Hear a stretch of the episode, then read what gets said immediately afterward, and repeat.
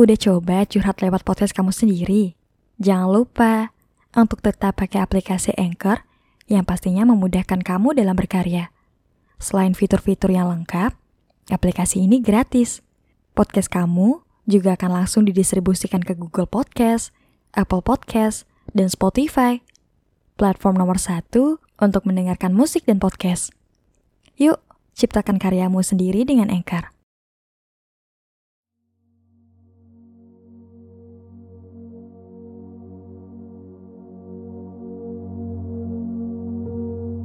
Masalah satu selesai, masalah baru datang kembali.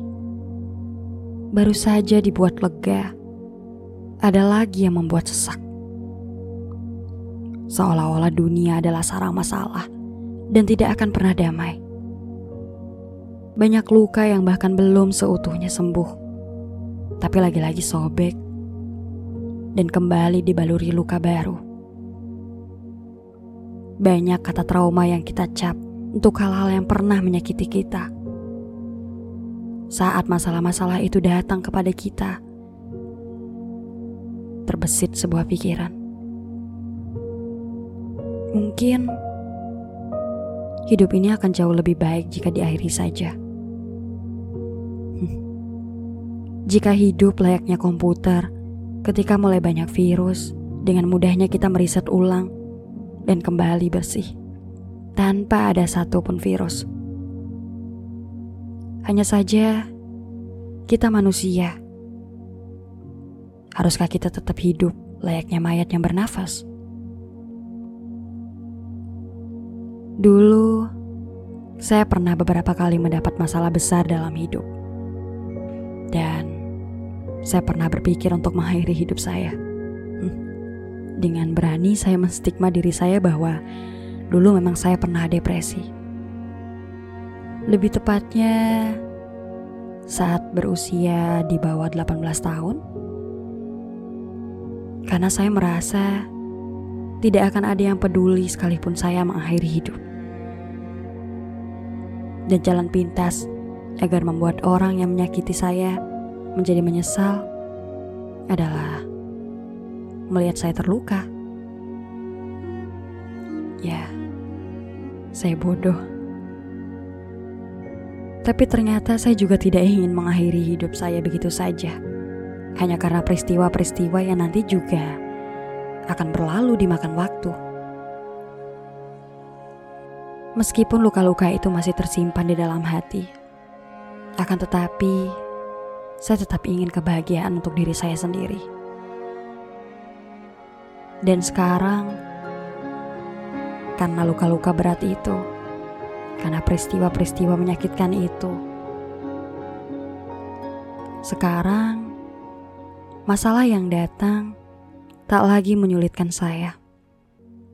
Saya tetap hidup dengan baik, bahkan jauh lebih baik, dan menyelesaikan masalah itu dengan tuntas. Maka, jika saya bisa melewatinya, saya percaya kamu pasti bisa. Coba pandang masa lalu kamu. Masa yang mungkin lebih berat daripada masa sekarang. Tapi kamu tetap bertahan hingga sekarang. Bahkan kamu lupa kejadian apa yang menyakiti kamu itu. Hidup yang melelahkan, bosan dengan diri sendiri, tidak kuat menahan segalanya, hingga berpikir untuk mengakhiri hidup. Tapi tapi siapa yang akan merawatmu jika bukan dirimu sendiri? Siapa lagi yang akan menjagamu selain kamu sendiri? Karena luka-luka itu kamu terpojokkan dan menangis sendirian di pojok kamar tanpa ada yang memelukmu. Apakah kamu tidak mengasihani dirimu sendiri? Coba lihat kembali orang-orang yang masih ingin kamu lihat, masih ingin kamu peluk. Apakah kesedihannya tidak membuatmu sesak? Tuhan yang Maha Baik, apakah kamu sudah menengadah dan meminta pertolongannya? Apakah kamu sudah meminta untuk terus melindungimu dan memberikanmu keteguhan? Belajarlah untuk mendekatkan diri pada Sang Pencipta dan belajar pula menerima hidup yang sudah diutus untukmu. Jika nanti hidupmu tak beruntung dan kamu sudah cukup sedih dan menderita, berlatihlah untuk terus hidup. Dengan menerima kenyataan yang tidak kamu inginkan.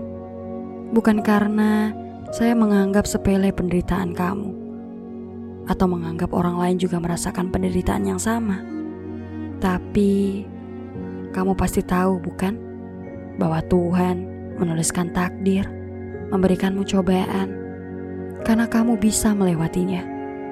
Karena Ia tidak akan memberikan kamu cobaan melampaui batasmu. Jika bukan kamu yang memeluk dirimu sendiri, lalu siapa lagi? Jadi, bertahanlah, jangan menyerah, dan kamu pasti bisa melaluinya. Semangat ya!